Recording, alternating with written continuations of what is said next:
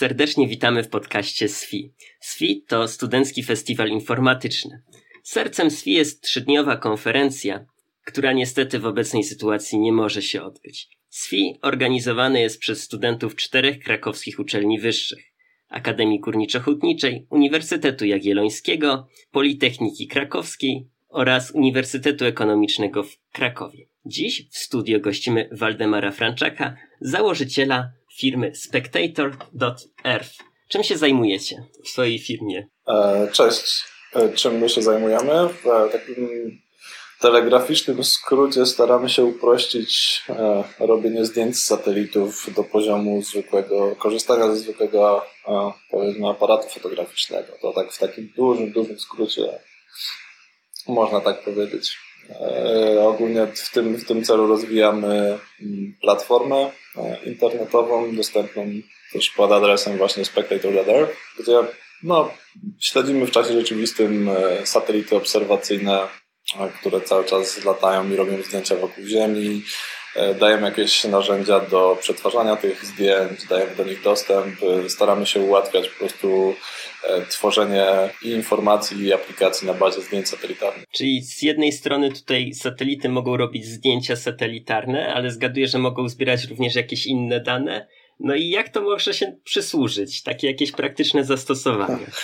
No, praktycznych zastosowań jest e, mnóstwo. E, trochę kwestia komercjalizacji tego to jest takie, powiedzmy, cały czas w toku. No z takich standard, takich bardzo standardowych, które zazwyczaj idą na, na, pierwszy, na pierwszy rzut, jeżeli chodzi o przykłady, to jest na pewno e, rolnictwo, monitor, monitorowanie sytuacji kryzysowych typu powodzie, pożary. Ostatnio oczywiście dzikie pożary to jest temat numer jeden, jeżeli chodzi o zdjęcia satelitarne. No tutaj oczywiście mówimy o zdjęciach takich wyższej rozdzielczości. No, to są takie standardowe przykłady, ale tak naprawdę zastosowań jest mnóstwo bo można, można śledzić samochody, można robić analizę na przykład y, ruchu na parkingach, w centrach handlowych. Y, no, można było w zasadzie bez końca wymyślać. Problem, problem jest nie, nie tyle z pomysłami na wykorzystanie tych danych i z aplikacjami, co po prostu z dostępem do nich. Prawda? Jeżeli chodzi o, bo wspomniałeś, y, no robią zdjęcia, oczywiście też te zdjęcia są,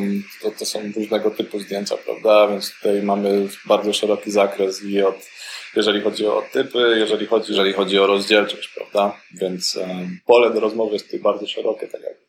A teraz rozmawiamy w październiku 2020 roku i interesuje mnie szczególnie jedno zastosowanie. To pytanie po prostu musi paść. Czy mogą satelity pomóc, a być może już pomagają w walce z koronawirusem? Czy mogą pomóc w walce z koronawirusem? To może trochę od innej strony. Na pewno jedna rzecz, która bardzo łatwo i bardzo klarownie widoczna na zdjęciach satelitarnych z powodu e, całej sytuacji z pandemią koronawirusa, to jest e, obniżenie zanieczyszczenia powietrza, ponieważ jeden z satelitów europejskiej konstelacji Copernicus, no jest tych popularniejszych, ponieważ dane do, dostęp do, do, do, ich danych są darmowe, może monitorować niektóre z, ze szkodliwych związków w powietrzu. No i właśnie po tym, jak w wielu krajach był e, lockdown, a w niektórych wciąż jest, albo zaczyna się na nowo, no to na przestrzeni tych ostatnich miesięcy zaobserwowano spory spadek w, w, w zanieczyszczeniu powietrza, powietrza, głównie z tego względu, że no, ludzie się po prostu mniej przemieszczają, prawda? To tak od strony, powiedzmy, tego, co widać ze względu na koronawirusa. Jeżeli chodzi o, o pomoc, tak jakby, prawda, no to zdjęcia satelitarne są w jakimś stopniu nieodłączną częścią wszelkich analiz, typu analiza ruchu w mieście, czy oczywiście zależy, czy mówimy tutaj o jakby pomocy pośredniej, czy bezpośredniej. Każda pomoc jest cenna. Wiadomo, nawet pośrednia. Nie, no pewnie. Raczej pierwsze z aplikacji, które ktoś by mógł wymyślić, prawda, to jest jakieś tam śledzenie, czy ludzie zachowują odstęp między sobą. No tutaj niestety, tutaj niestety muszę zmartwić entuzjastów, że jeszcze powiedzmy rozdzielczość zdjęć satelitarnych nie jest aż tak dobra, żeby można to było w bardzo dokładny e, sposób mierzyć, prawda? Natomiast y, jeżeli chodzi o, na pewno wiele firm stara się teraz w jakiś sposób wykorzystać zdjęcia satelitarne do tego, żeby, mm, żeby pomogły w walce e, z koronawirusem, natomiast często jest to bardziej taki, taka jakaś, w sensie zdjęcia satelitlarne pomagają w sposób taki niebezpośredni. Gdzieś tam są dodatkiem do analizy, mm, jeżeli chodzi o, o przemieszczanie się właśnie, jeżeli chodzi o logistykę, czyli jakieś tam trakowanie, mm, jak ludzie się poruszają e, samochodami, bardziej, bardziej od tej strony, no bo no raczej z satelity nie zobaczymy, czy ktoś ma wirusa, czy, czy, czy nie ma. Więc, więc to są raczej takie jakieś pośrednie rozwiązania, natomiast no, na tę chwilę mm, ja przynajmniej nie słyszałem o niczym takim jakimś przełomowym, jeżeli chodzi o wykorzystanie zdjęć satelitarnych, prawda? No bo jeżeli chodzi, pójdziemy ogólnie w satelity, no to wiadomo, że czy GPS, czy Galileo, czy ogólnie nawigacja tutaj ma ogromne znaczenie teraz, więc to jest ta część przemysłu satelitarnego, która aktualnie ma, nazwijmy to, pełne ręce roboty. Wspomniałeś właśnie też o zaobserwowanym zmniejszeniu zanieczyszczenia. I rzeczywiście, koronawirus jest jednym z tych problemów, z którymi się mierzymy, ale kolejne dwa problemy, tak wybiorę arbitralnie, też są bardzo palące i naglące. Mianowicie e, globalne ocieplenie. Zegar na Manhattanie we wrześniu pokazywał, że zostało 7 lat i 100 dni do katastrofy klimatycznej, no a w Polsce smog to jest problem regularnie powracający. Czy te analizy mogą jakoś się przyczynić do poprawy jakości powietrza, do skutecznej walki z ociepleniem klimatu? Wydaje mi się, że jest tutaj pole do popisu, bo jeżeli patrzymy na stronę monitoringu, no to już w tym momencie satelity są wykorzystywane do tego, żeby właśnie pokazywać, jak globalne ocieplenie wpływa na topnienie lodowców. W zasadzie każdy sobie może teraz, czy korzystając z naszej platformy, czy z jakiejkolwiek innej, e, sobie popatrzeć po prostu znaleźć dowolny lodowiec jakiś większy na Antarktydzie, jeden z tych, które, o których można przeczytać w, w newsach i można sobie po prostu zobaczyć miesiąc po miesiącu, czy tam rok po roku, jak te lodowce dosłownie topnieją, prawda? Do tego nam dochodzi, no to, to, to już tak, to tak po prostu wizualnie można zobaczyć, jak to wszystko wygląda, nie, że tam ktoś powiedział, że mamy ocieplenie o 1-2 stopnie, tylko dosłownie możemy zobaczyć, jakie to ma skutki. Nie? Drugim, oczywiście, którym już wspomniałem, to są e, pożary, które też teraz e, wiodą prym, jeżeli chodzi o E, o to, co najczęściej jest publikowane przy, z wykorzystaniem zdjęć, zdjęć satelitarnych, bo, bo, bo to też bardzo dobrze widać. Oczywiście pożary bezpośrednio przyczyniają się do, też do, do zanieczyszczenia, które, które też na przykład Sentinelem piątką, jednym z satelitów e, Kopernikusa można monitorować. Natomiast ogólnie, jeżeli chodzi o monitorowanie skutków, to daje bardzo duże możliwości. Natomiast jeżeli chodzi o walkę, też jest, tak jak mówiłem, spore pole do popisu, no bo chociażby można, można było podejść do tego od tej strony, że na przykład jeżeli wchodzą nam obostrzenia odnośnie palenia czymkolwiek, prawda, no to zdjęcia satelitarne wysokiej rozdzielczości są wystarczające do tego, żeby na przykład czy to monitorować, czy ktoś faktycznie sobie dymi w kominkach. To jest jedna rzecz. Jestem zaskoczony. Ta rozdzielczość jest naprawdę taka duża? Zakładając, że kominy są stosunkowo duże, nie? Mhm. Najlepsza, najlepsza rozdzielczość tak komercyjnie dostępna to jest do 30 centymetrów. Nieoficjalnie, jeżeli chodzi o wojsko, to nieoficjalnie się mówi, że wojsko gdzieś tam ma 10 centymetrów. Tylko ciężko jest potwierdzić, czy mają lepiej, czy mają gorzej. No natomiast no 30, 30-50 centymetrów to jest taki standard takiej bardzo wysokiej rozdzielczości. No to na takich zdjęciach już dym, powiedzmy, taki z komina raczej zobaczymy. Więc y, to jest jedna rzecz. Druga rzecz, że satelity oczywiście zbierają trochę szersze spektrum fali elektromagnetycznej, prawda, więc mogą, więc też, mhm. E, też mają możliwość na przykład y, monitorowania podczerwieni, prawda, więc gdzieś tam istnieje jakaś, jest to trochę problematyczny temat, nad którym się teraz sporo pracuję, bo jakby takie termowizja z orbity jest, jest, sprawia sporo kłopotów, natomiast no jest to też, też jakaś taka dodatkowa możliwość powiedzmy dla, dla monitorowania e, właśnie, właśnie jakichś takich e, powiedzmy e, jeżeli byśmy chcieli szukać domostw, które nielegalnie gdzieś tam palą w kominach, prawda? Więc to jest, to jest na pewno jeszcze jakiś, jakiś jeden z, z, z możliwości.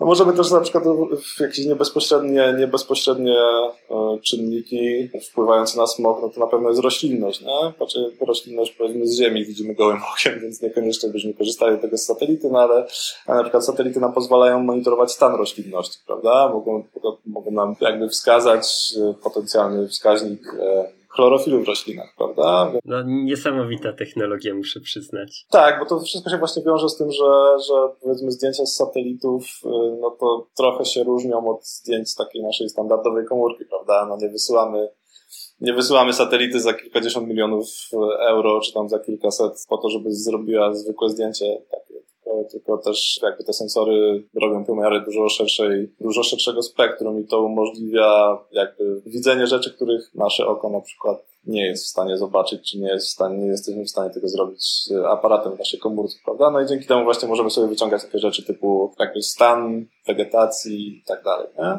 Więc to wszystko gdzieś tam może nam pomagać w walce, czy, czy ze smogiem, czy z innymi problemami. Muszę przyznać, że chwila rozmowy, a już jestem pod dużym wrażeniem tego, co, co można się dowiedzieć. To mówisz, że to jest jakby dostępne dla wszystkich. Wystarczy wejść chociażby właśnie na waszą stronę spectator.earth i wszystko zobaczyć, tak? Tak, raczej... Zobaczyć sobie, że lodowce rzeczywiście się kurczą. Jak ktoś nie wierzy, to można znaleźć tam dane. Tak, no oczywiście trze- trzeba wiedzieć przede wszystkim, gdzie patrzeć. Mhm.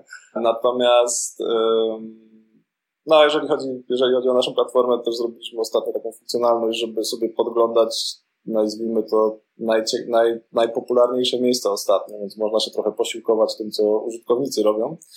Natomiast, y, natomiast wracając do tematu jakby dostępności tych danych, no to też to też jest kwestia właśnie tego, czy jakby to też po części jest powód, dla którego no, my powstaliśmy, prawda? Jesteśmy teraz na takim etapie rozwoju przemysłu kosmicznego, rozwoju przemysłu satelitarnego, że coraz więcej tych danych jest dostępnych za darmo albo w niskiej cenie, y, wysokiej rozdzielczości i bardzo często, prawda? Bo no, na przykład jeżeli weźmiemy program Kopernikus Komisji Europejskiej, prawda, no, to jest program, za który de facto my wszyscy płacimy, prawda? Mhm. Bo to Unia Europejska daje pieniądze na te satelity latały i robiły zdjęcia, a prawda jest taka, że bardzo mało osób o tym wie, że może mieć zdjęcie Krakowa, co tam 2-3 dni, prawda, w stosunkowo, stosunkowo wysokiej rozdzielczości. Więc no jest tego bardzo sporo i teraz jakby problemem, albo raczej zadaniem e, naszego przemysłu jest też, jest też komunikowanie o tym, że, że jest coś takiego, prawda, i że jest duża dostępność tych danych i że z nimi można bardzo dużo bardzo ciekawych rzeczy robić, prawda, bo monitorowanie tam topnienia lodowców to jest jedna rzecz, ale, ale można też bardzo dużo zastosowań e, komercyjnych sobie wymyślić. Można na tym byłoby jakoś zarobić?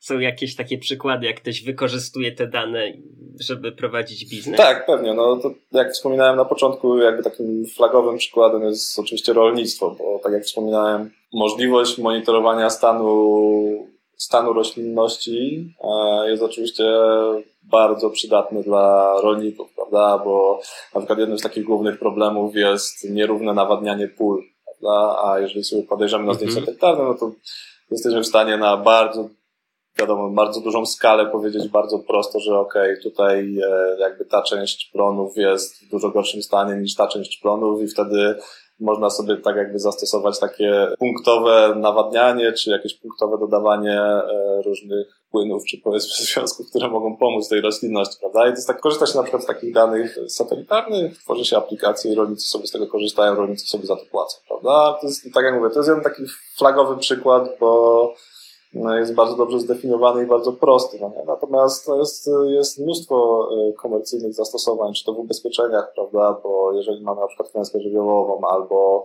mm, coś się wydarzy, prawda, można sobie bardzo zamiast wysyłać ludzi, to też oczywiście Mm, bardzo pomaga w, jakby w, zwiększaniu bezpieczeństwa tych wszystkich sytuacji, prawda? No. To może rzeczywiście spore oszczędności przynieść dla firm ubezpieczeniowych. Tak, tak, więc, więc, więc to, to, jest, to są takie podstawowe przykłady. No co więcej, no może tak jak mówiłem, z bardziej takich zastosowań na zdjęciach wysokiej rozdzielczości, no to właśnie można do nie tyle w marketingu, co jak robiąc research, prawda, taki, taką analitykę e, marketingową albo analitykę konkurencji, można właśnie na bazie tego, gdzie tam na przykład ileś, to są takie wyciąganie danych niebezpośrednich, prawda, czyli gdzieś tam liczymy sobie auta na parkingu pod jakimś Carrefourem i sprawdzamy, jak im idzie w który dzień, prawda? Że w sobotę było 200 samochodów, a w poniedziałek o 8 jest tylko dwa, Więc jest tam sporo informacji zawartych. Nie zawsze to są takie bezpośrednie, namacalne, jak właśnie w przypadku rolnictwa, gdzie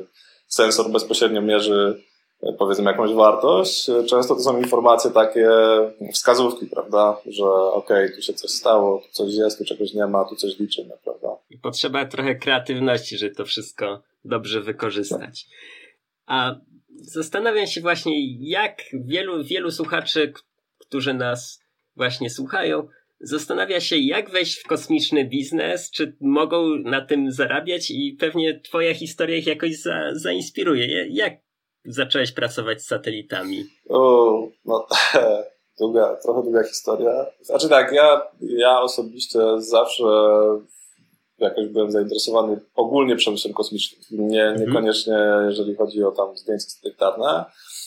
No natomiast jakby ścieżka edukacyjna mnie wepchnęła w tą stronę zdjęcia i tak dalej. Analiza zdjęć, prawda? Mm, więc, y, więc tak jakby po ukończeniu studiów już miałem mm, jakby okazję w trakcie studiów jeszcze robić staż na, w Europejskiej Agencji Kosmicznej. Tak już potwierdziłem, że to jest to i w zasadzie jak e, kończyłem moją magisterkę, to śmieszna sytuacja, bo tak naprawdę broniąc moją magisterkę miałem sobie zrobić dwa czy trzy, trzy miesiące wolnego, wakacje i nic nie robić, leżeć do góry brzuchem. Mm. E, natomiast e, tak się złożyło, że dosłownie dzień po naszej obronie nasz, jeden z naszych wykładowców wysyłał, wysłał nam maila, że w ogóle przypadkiem jakaś firma do niego napisała, znaleźli go na stronie uniwersytetu i napisała do niego jakaś firma, która pracuje w przemyśle kosmicznym, e, że szukają kogoś w naszym profilu. Jakby profilu powiedzmy ludzi zajmujących się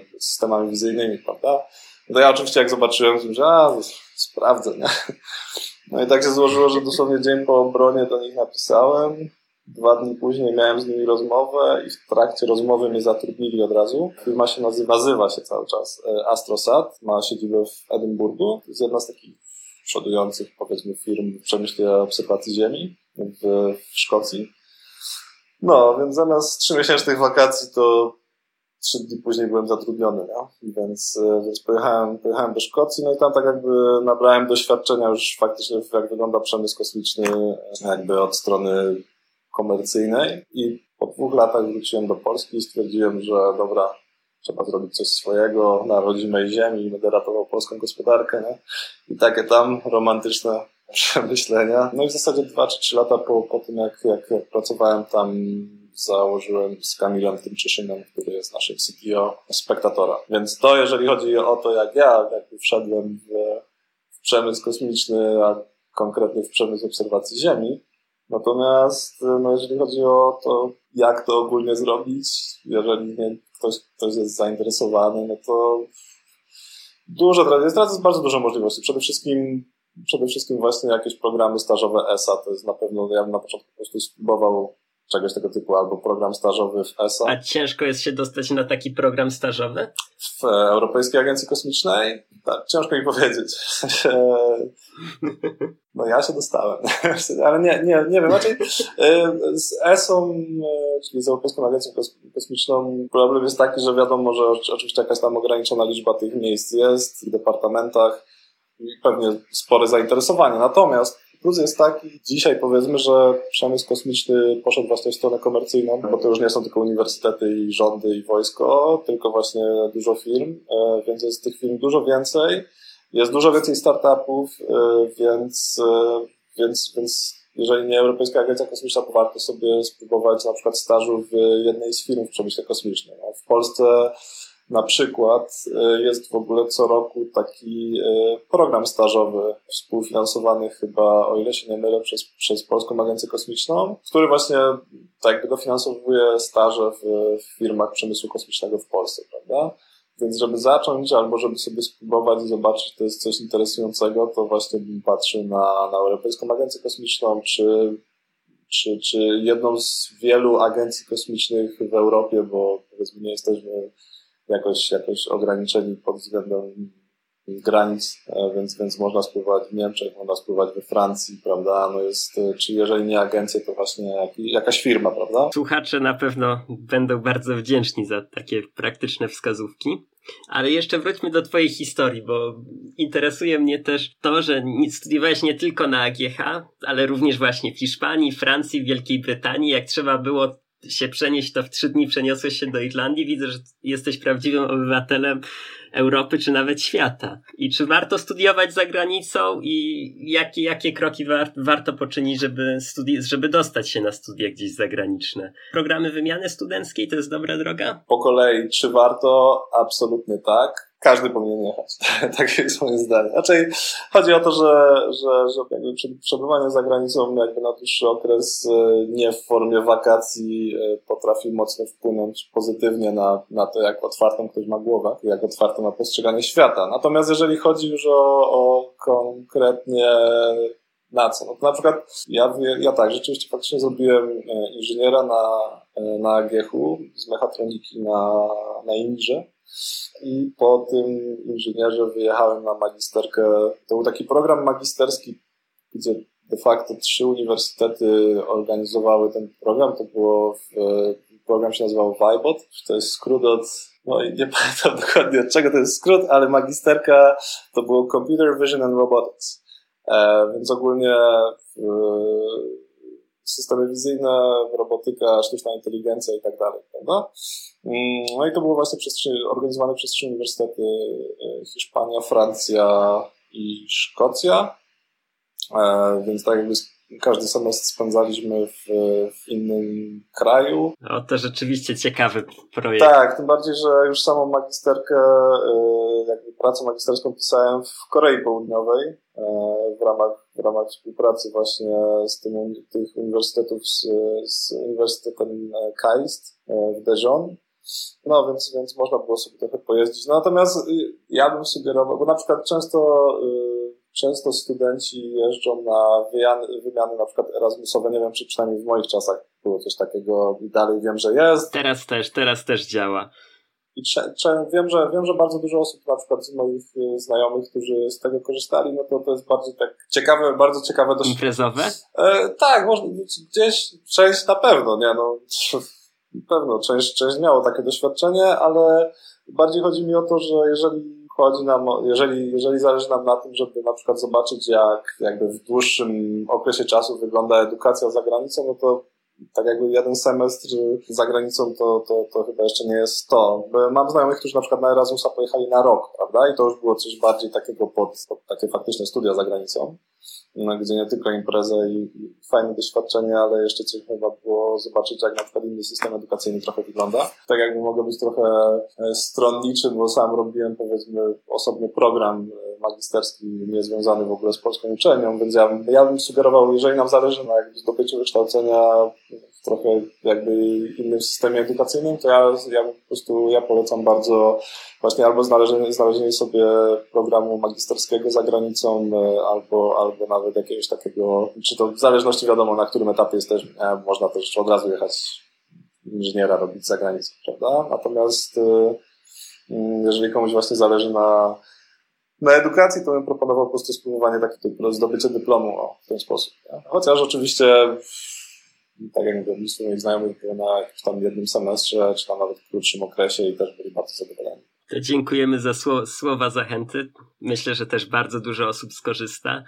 Cieszę się, że dowiedziałem się również o tych programach całych magisterskich, bo to, to wydaje się bardzo dobra okazja na, na to, żeby zdobyć rzeczywiście doświadczenie i to w, wie, w wielu krajach Europy. Tak, raczej jeszcze w, w jak ja robiłem magistra, to był taki program, który się nazywał Erasmus Mundus. E, z tego co wiem, później to zostało połączone w jednego Erasmusa i to był właśnie taki program, który e, to był faktycznie jakby magisterka, osobna magisterka, która miała trwać dwa lata, nie? więc to nie miało, to, to nie był taki wyjazd, że jedziemy sobie na pół roku na wymianę, tylko faktycznie jedziemy gdzieś robić dyplom. E, I nie wiem, czy to jest, chyba, chyba jest dalej kontynuowane, więc warto sobie zobaczyć na coś takiego, a też zawsze można po prostu spróbować zaaplikować na uniwersytet za granicą, prawda? No, uniwersytety normalnie przyjmują ludzi z, z całego świata, prawda? Nie trzeba w ramach programu. Plusem programu jest to, że oczywiście można dostać jakieś, jakieś tam stypendium, prawda? Więc, e, więc łatwiej się trochę utrzymać, no bo zależy gdzie aplikujemy, ale my na przykład jak byliśmy w Szkocji, to, to, to, to nam stypendium nie wystarczało za bardzo na, na zapłacenie akademika, a co dopiero na to, żeby coś zjeść.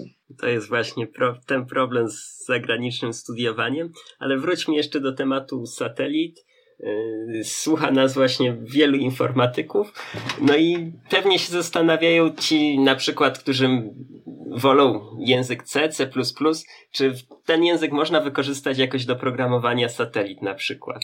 Ale tak, ja muszę zaznaczyć z góry, że nie jestem, nazwijmy to, satelitowym hardware'owcem, e, więc, mhm. więc jakby nie, nie, nie, nie specjalnie się specjalizuję w tym, jakby czego konkretnie używa się na, w hardware'ze dla, dla satelitów, natomiast no wiadomo, że jednak częściej się tam w zależności od komponentu będzie się używało e, języków takich bardziej niskiego poziomu. Natomiast, natomiast też teraz chyba się odchodzi trochę jak, od, od też idzie się w języki wyższego poziomu trochę w zależności od, w zależności od, od, od potrzeby i w zależności od modułu, prawda? Bo jeżeli patrzymy na e, międzynarodową stację kosmiczną, no to przypuszczam, że, że, że można sobie to normalnie w Pythonie popisać, gdzieś mają zwykłe laptopy, na których sobie pracują, prawda, i nie muszą wszystkiego kompilować w, w C.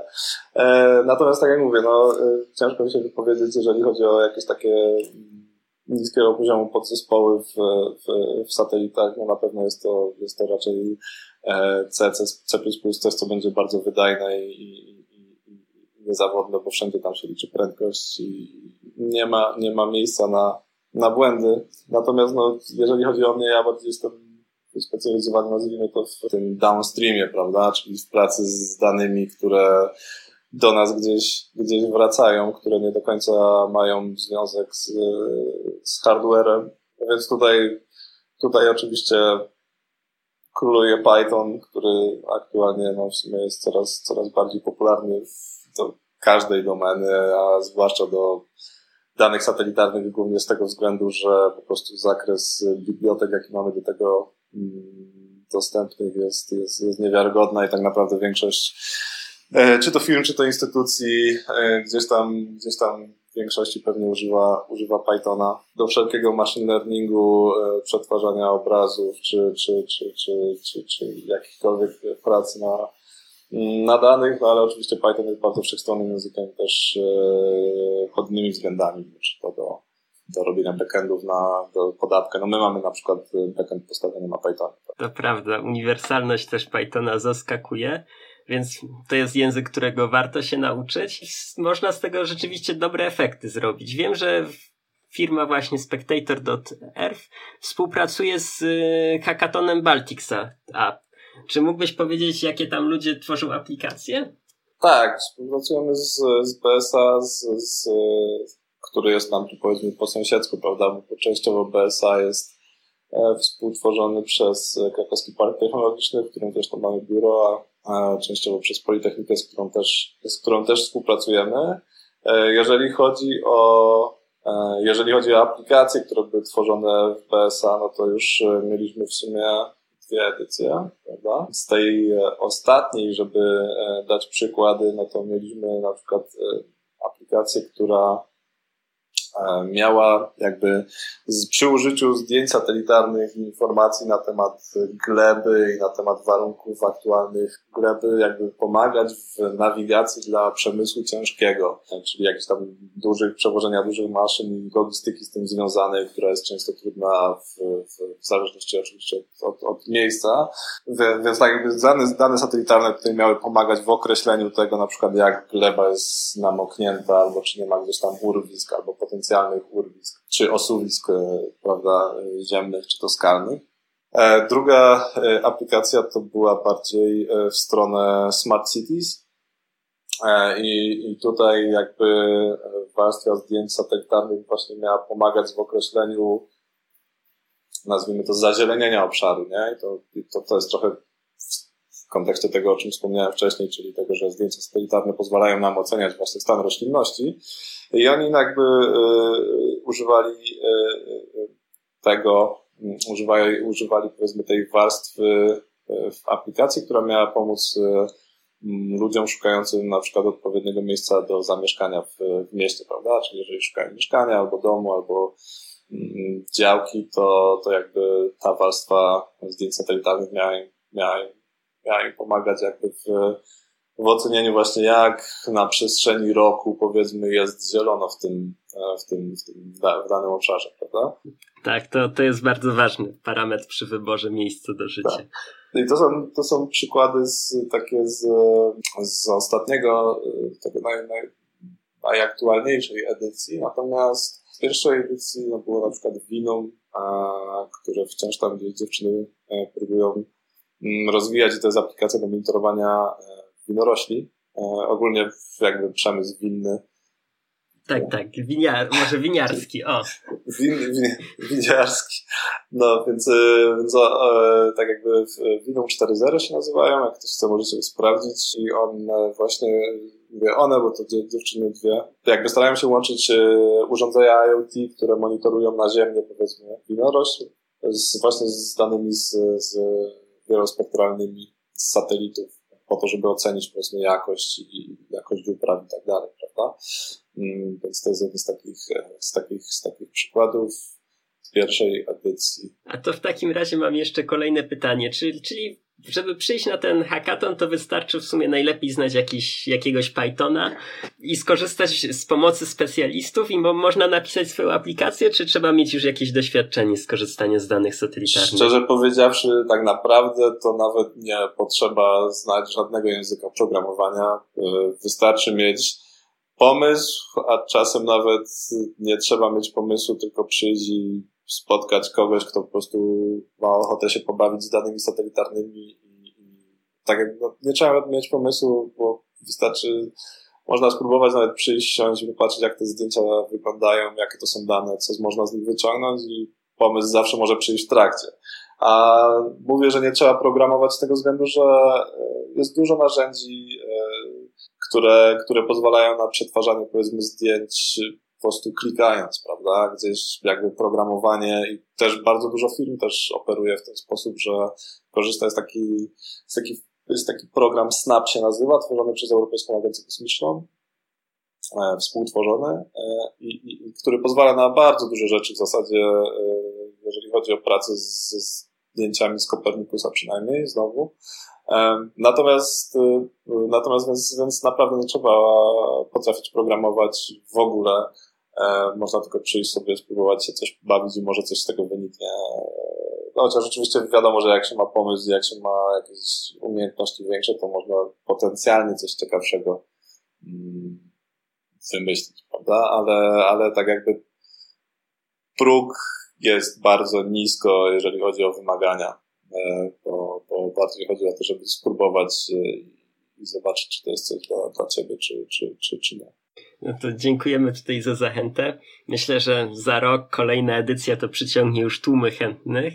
No ja mam nadzieję. Bo rzeczywiście okazja, żeby, żeby spróbować, żeby to taki projekt w, repo, w repozytorium własnym, to myślę, że też mocna karta przetargowa w aplikacji na staże.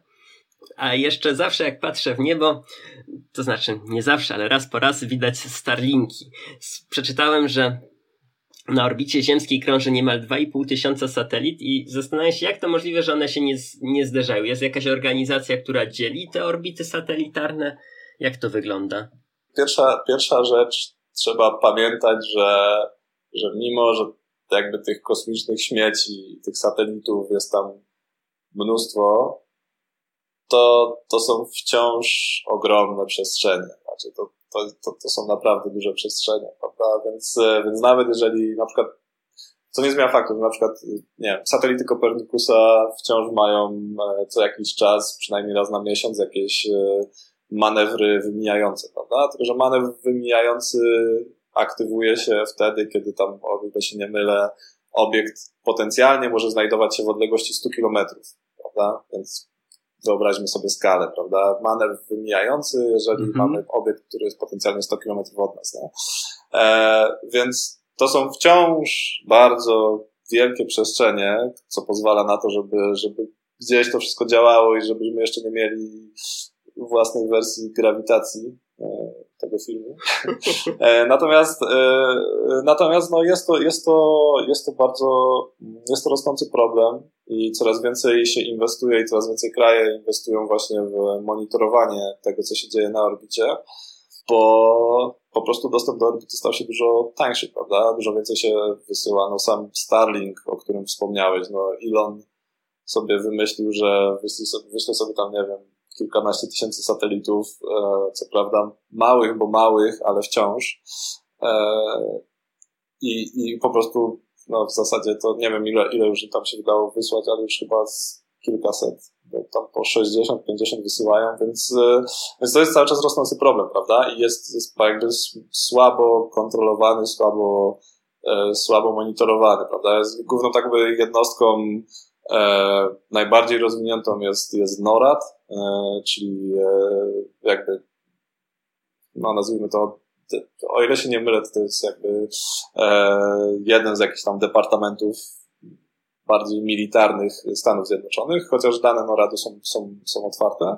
I oni tak jakby monitorują wszystko, wszystko, co się dzieje na orbicie, wszystkie jakieś, jakieś obiekty, czy satelity, czy, czy odłamki satelitów na przykład, albo jakichś starych kosmicznych śmieci, prawda?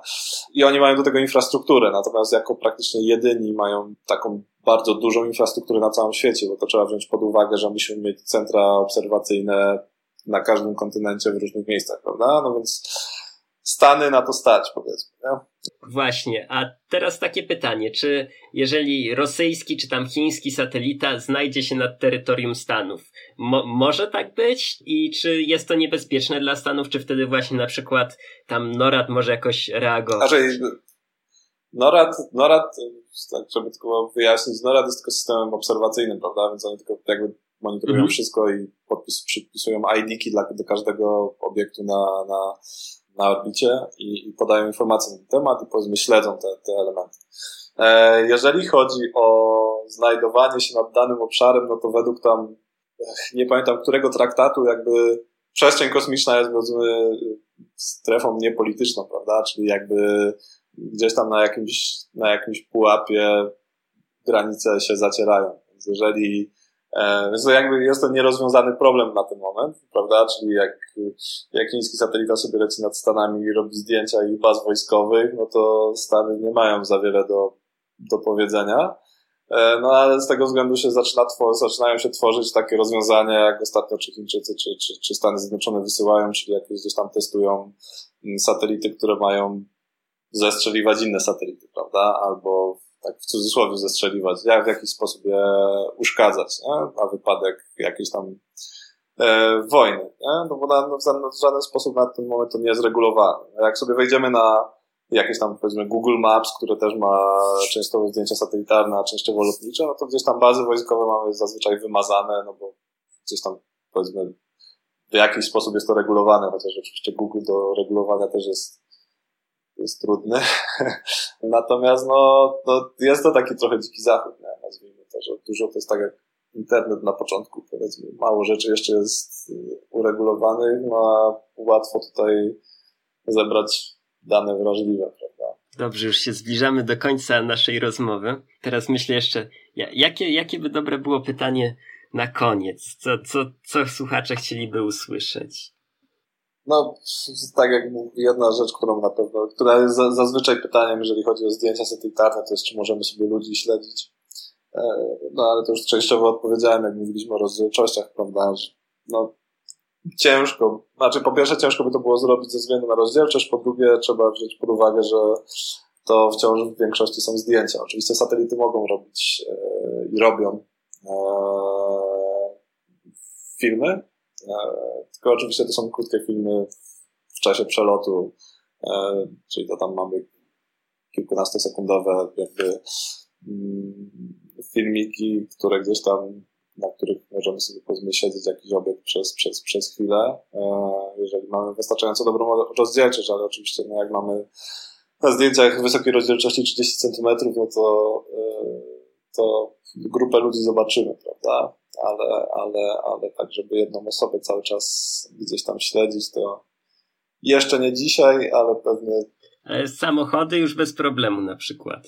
Tak, samochody, samochody jak najbardziej, prawda? No, przy 30-50 centymetrach samochody, które są zazwyczaj no, z, kilka metrów, to, to, to można sobie też łatwo, dość łatwo y, odróżnić, prawda? No tylko wciąż trzeba pamiętać o tym, że przeleci raz satelita, zrobi jedno zdjęcie w jednym czasie, a co się stało za minutę, tego już nie wiemy. Natomiast oczywiście przy no, w tą stronę się teraz zmierza, prawda? Stara się wysyłać coraz więcej, coraz więcej satelitów, po to, żeby jakby ta częstotliwość czasowa się zwiększała, prawda? Czyli jeżeli teraz możemy mieć, jeżeli byśmy zebrali do kupy wszystkie satelity obserwacyjne w jeden system, co jest na przykład naszym celem, no to pewnie byśmy mogli uzyskać jakieś zdjęcie co, nie wiem, godzinę, prawda? No ale jeżeli chcemy śledzić samochód, gdzie jedzie, no to wiedzieć, gdzie było pierwszej e, i potem sprawdzić na kolejnym zdjęciu o drugiej, to równie dobrze może być już, jak był w Krakowie, to może być w Tarnowie. No? Więc, więc jeszcze nie, nie, nie jest tak jak w CSI, kryminalne zagadki Las Vegas, że można wszystko zobaczyć. Ale technologia i tak robi wrażenie, że już nawet teoretycznie co godzinę moglibyśmy mieć aktualne dane. No na pewno będzie się to rozwijać, prawda? Na pewno patrząc na tempo rozwoju, nawet na, na przestrzeni tego, odkąd ja zajmuję się powiedzmy tą dziedziną, czyli tam 6 lat, no to naprawdę skok jest drastyczny. E, więc, e, więc, więc za parę lat, no już jest tak naprawdę najbliższe chyba, e, żeby się, aktualnie jeżeli chodzi o obserwacyjne satelity, mamy chyba tam ponad 700, czyli chodzi mi o same satelity, które potrafią robić jakieś tam zdjęcie albo jakiś tam pomiar, prawda? i, i chyba już jest zaplanowane drugie tyle na, na kolejną dekadę. Więc jakby ta liczba się podwoi, a może tak naprawdę być jeszcze więcej, więc, e, więc potencjał może być spory. A jak to się rozwinie, no to zobaczymy. O, to właśnie, nakreślenie przyszłości satelit, to, to, to było dobre na koniec, rzeczywiście. Wydaje mi się, że jedynym problemem będzie tylko regulacje prawne. Przy właśnie wysokiej rozdzielczości danych dostępnych często. No, więc miejmy nadzieję, że nie będziemy śledzeni. Cały czas. No, chociaż już obecnie na przykład też telefony bardzo dobrze śledzą, jak ktoś ma włączoną nie, no, no, lokalizację no, w Google, to, to no, może pewnie. się przekonać, że Google le, lepiej wie, gdzie był niż on sam. No. No pewnie. Ja, oczywiście, że tak. W kontekście takich film, wielkich film technologicznych, to, to przypuszczam, że zdjęcia z satelity to jeszcze długo nie będzie problem. E, no natomiast e, Natomiast, natomiast dużo ludzi chyba, jeżeli chodzi o właśnie śledzenie przez Google, czy Facebooka, czy inne, to tak jakby to w jakiś sposób akceptują, natomiast jak się komuś pokazało, że o, mam zdjęcie twojego samochodu z wczoraj, że byłeś tu i tu, to już mógłby mieć jakieś zastrzeżenia. tak, a to przede wszystkim też jest zaleta, jeżeli mówimy też w kontekście bezpieczeństwa na przykład. Łatwo śledzić samochód w Iranie, czy obywateli tam powiedzmy potencjalnych y, terrorystów tam było Al-Kaida przecież wyśledzone, więc myślę, że to, to też jest kluczowa sprawa. Dobrze, to ja w takim razie bardzo dziękuję za rozmowę. No ja również dziękuję. Dziękuję bardzo za, za zaproszenie. Miło było porozmawiać.